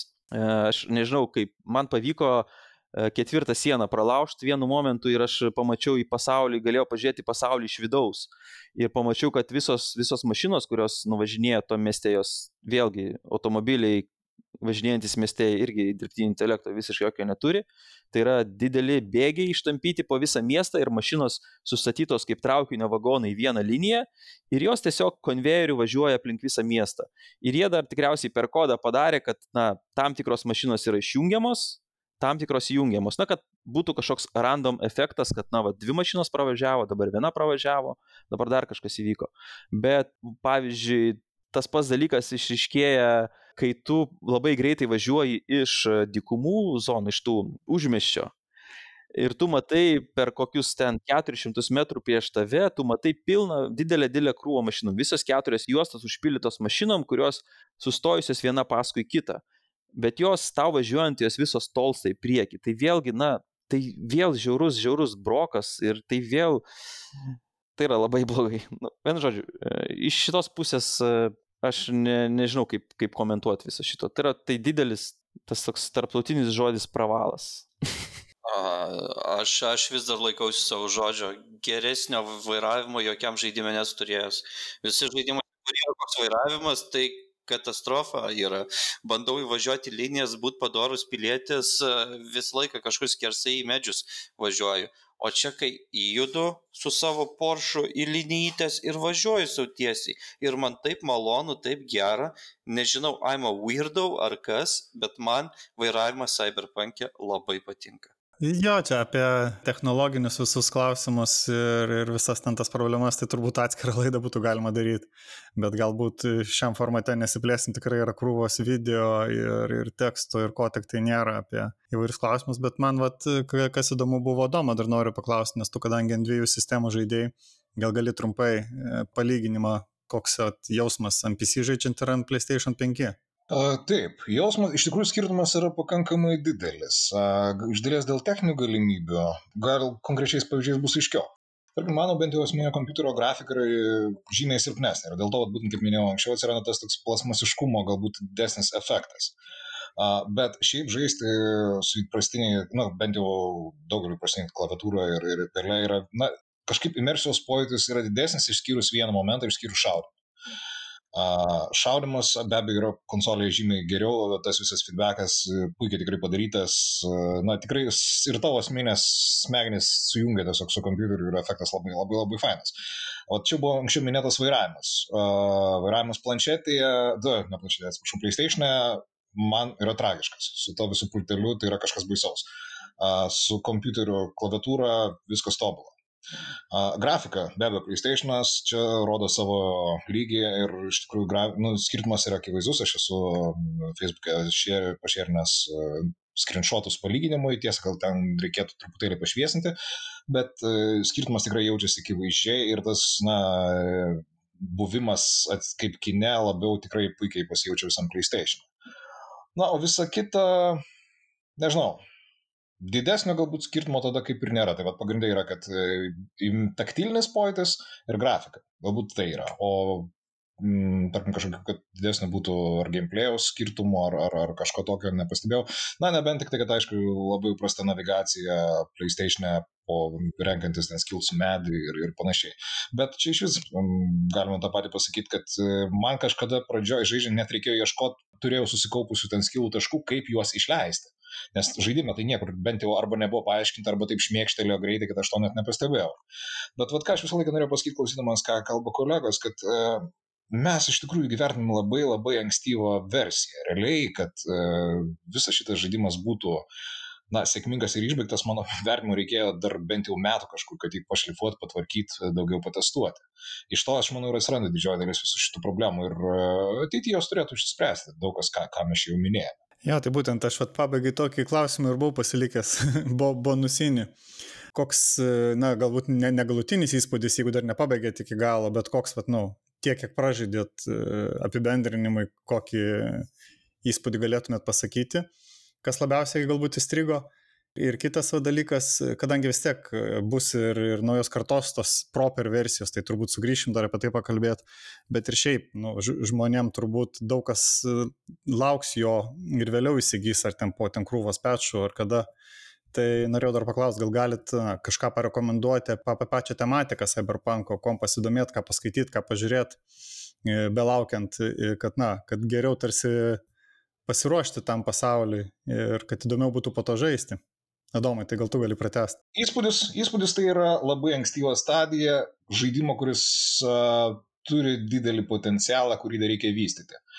Dabartinė stadija, nežinau, galbūt aš nesu labai reiklus žaidėjas, bet man jinai patiko. Be abejo, turi daug trūkumų ir visą tai, kas iki šiol minėjo kolegos, jie viskam iš tikrųjų pritariu ir, ir su skriptinimu bėdos ir, ir, ir visa kita, bet galėjo būti ir daug žymiai, žymiai blogiau. O jeigu bus jėgų CD projektų toliau vystyti, aš matau didelį potencialą. Tad bendras įspūdis iš tikrųjų geras, e, ne toks, kokio aš tikėjausi, bet negerumo prasme. Tiesiog šiaip, kad, na, aš įsivaizdavau, kad gėjimas bus gerokai ir tamsesnis, ir, ir, ir na, toksai purvinesnis ir, ir labiau emocingesnis. O gausi truputėlį toksai, nežinau, negali sakyti, kad plokštesnis, nes atsiranda tas teigiamas konotacijos, bet, na, jis lengvesnis. Gavosi ir turinio prasme, ir emocijų prasme, ir, ir, ir, ir istorijos prasme. O kalbant apie ką čia parekomenduot, na tai aišku, Viljamas Gibsonas ir jo neuromanceris, čia yra klasika. Mano minėtas, tik reikia susirasti autorių, dabar tikrai nepasakysiu Hardwired, nuo kurio Hardwired. nuo kurio ir prasidėjo visa, man atrodo, Cyberpunko pati istorija. Nilas Stevensonas Snow Crash išleista lietuvių kalba, net ir Idano vertimas toksai savotiškas, bet, e, nu gal geriau iš tikrųjų gal originalą būtų skaityti, bet labai įdomi, va irgi e, ankstyvojo supratimo, kas yra cyberpunkas ir kiek, va, kad galima būtų palyginti, kiek iš tikrųjų ir, ir kokia yra dabar realybė ir kiek skiriasi realybė paties žaidimo Cyberpunk 2077 nuo to, kaip kažkada anksčiau žmonės įsivaizdavo būsimą Cyberpunką. Nes e, Stevensono knyga, man atrodo, 91 metų. Tiksliai nepasakysiu, bet žodžio ankstyva pakankamai knyga. Ir dar vad ką norėčiau vieną užrekomenduoti, savotiškas dalykas, bet ir daugam labai nepatinka, bet man iš tikrųjų labai sužavėjęs toksai dalykas, daugelis žino galbūt žaidimą Shadowrun. Tai yra netgi išleista novelės, kurios šiaip laikomos kaip ir prastų lygių, bet man asmeniškai lietuvių kalbą irgi Redano buvo išleista Nosferatu ir labai patiko. O tiems galbūt, kas nesusidūrė su Shadowrun, reikia paminėti, kad tai yra kiberpunkas maišytas su magija.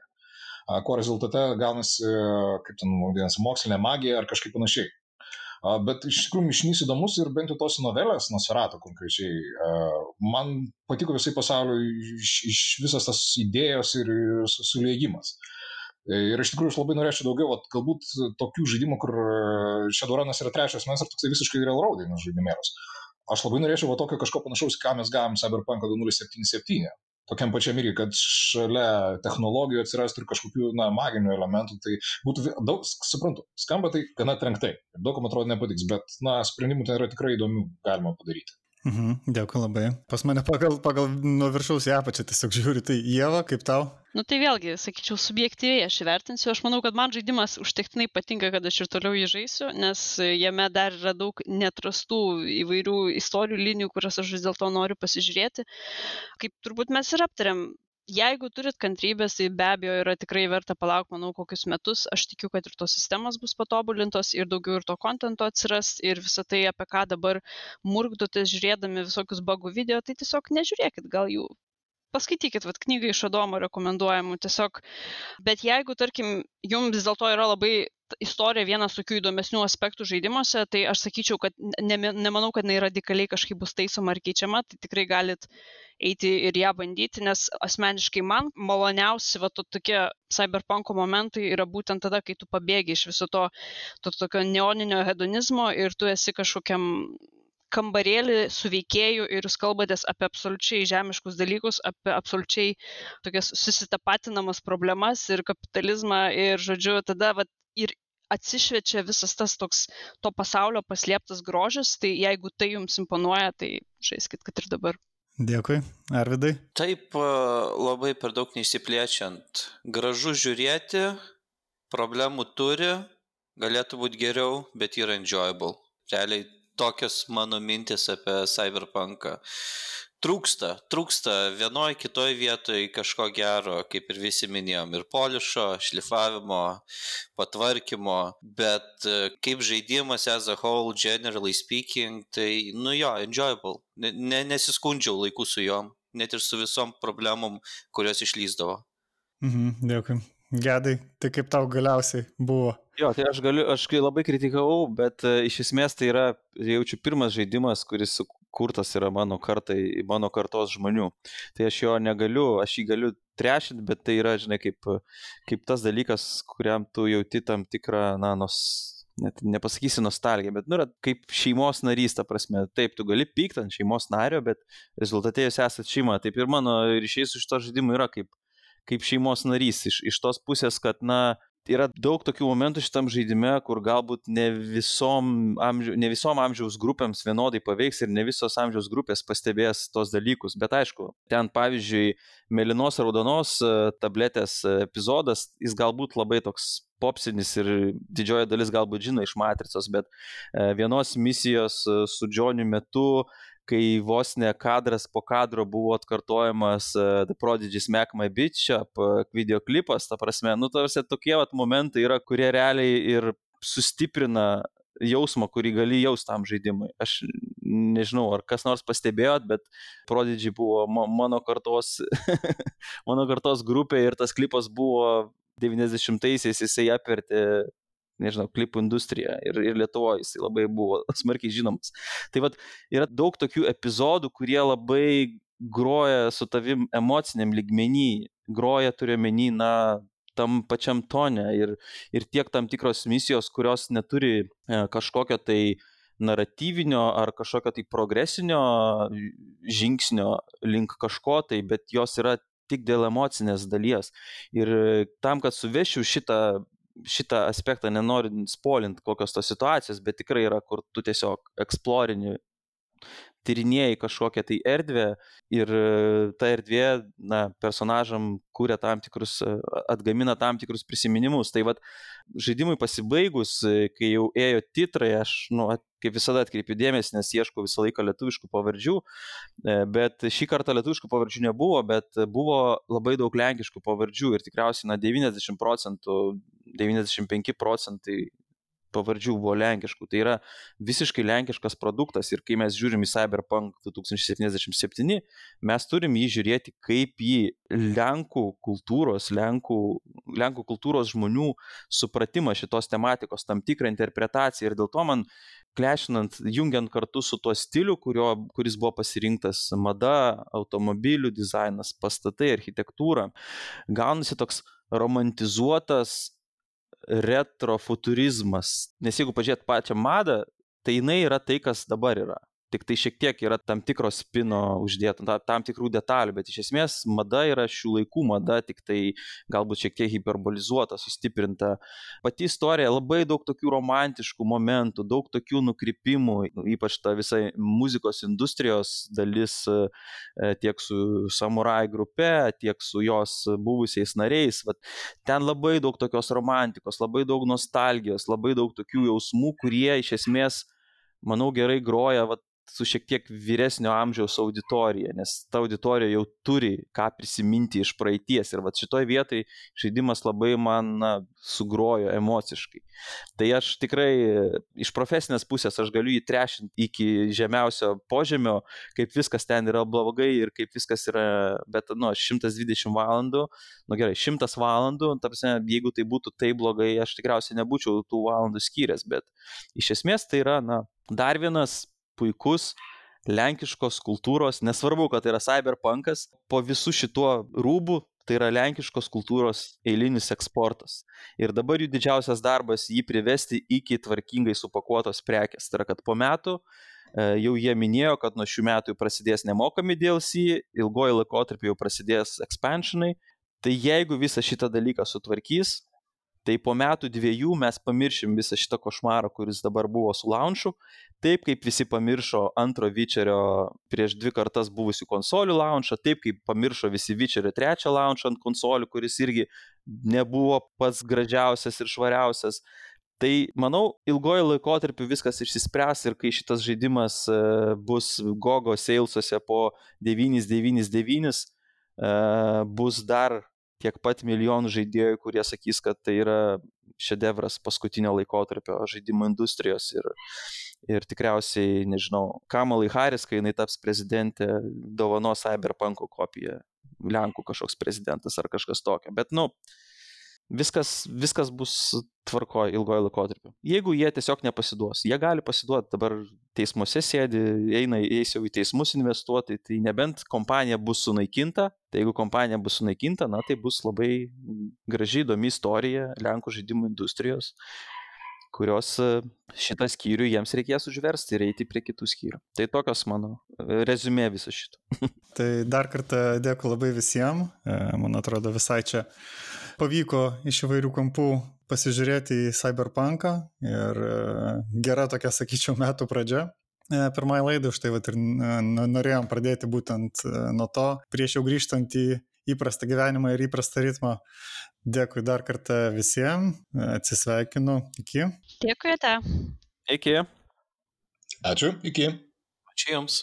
O mes grįšim po dviejų savaičių jau į vėl į reguliarų ritmą ir kita laida bus skirta daugiausia lietuviškiam žaidimam, nes yra kelios labai svarbios progos. Na ir šiaip pats laikas jau pakalbėti plačiau, kas vyksta ne tik užsienyje, bet ir pas mus. Tai iki greito.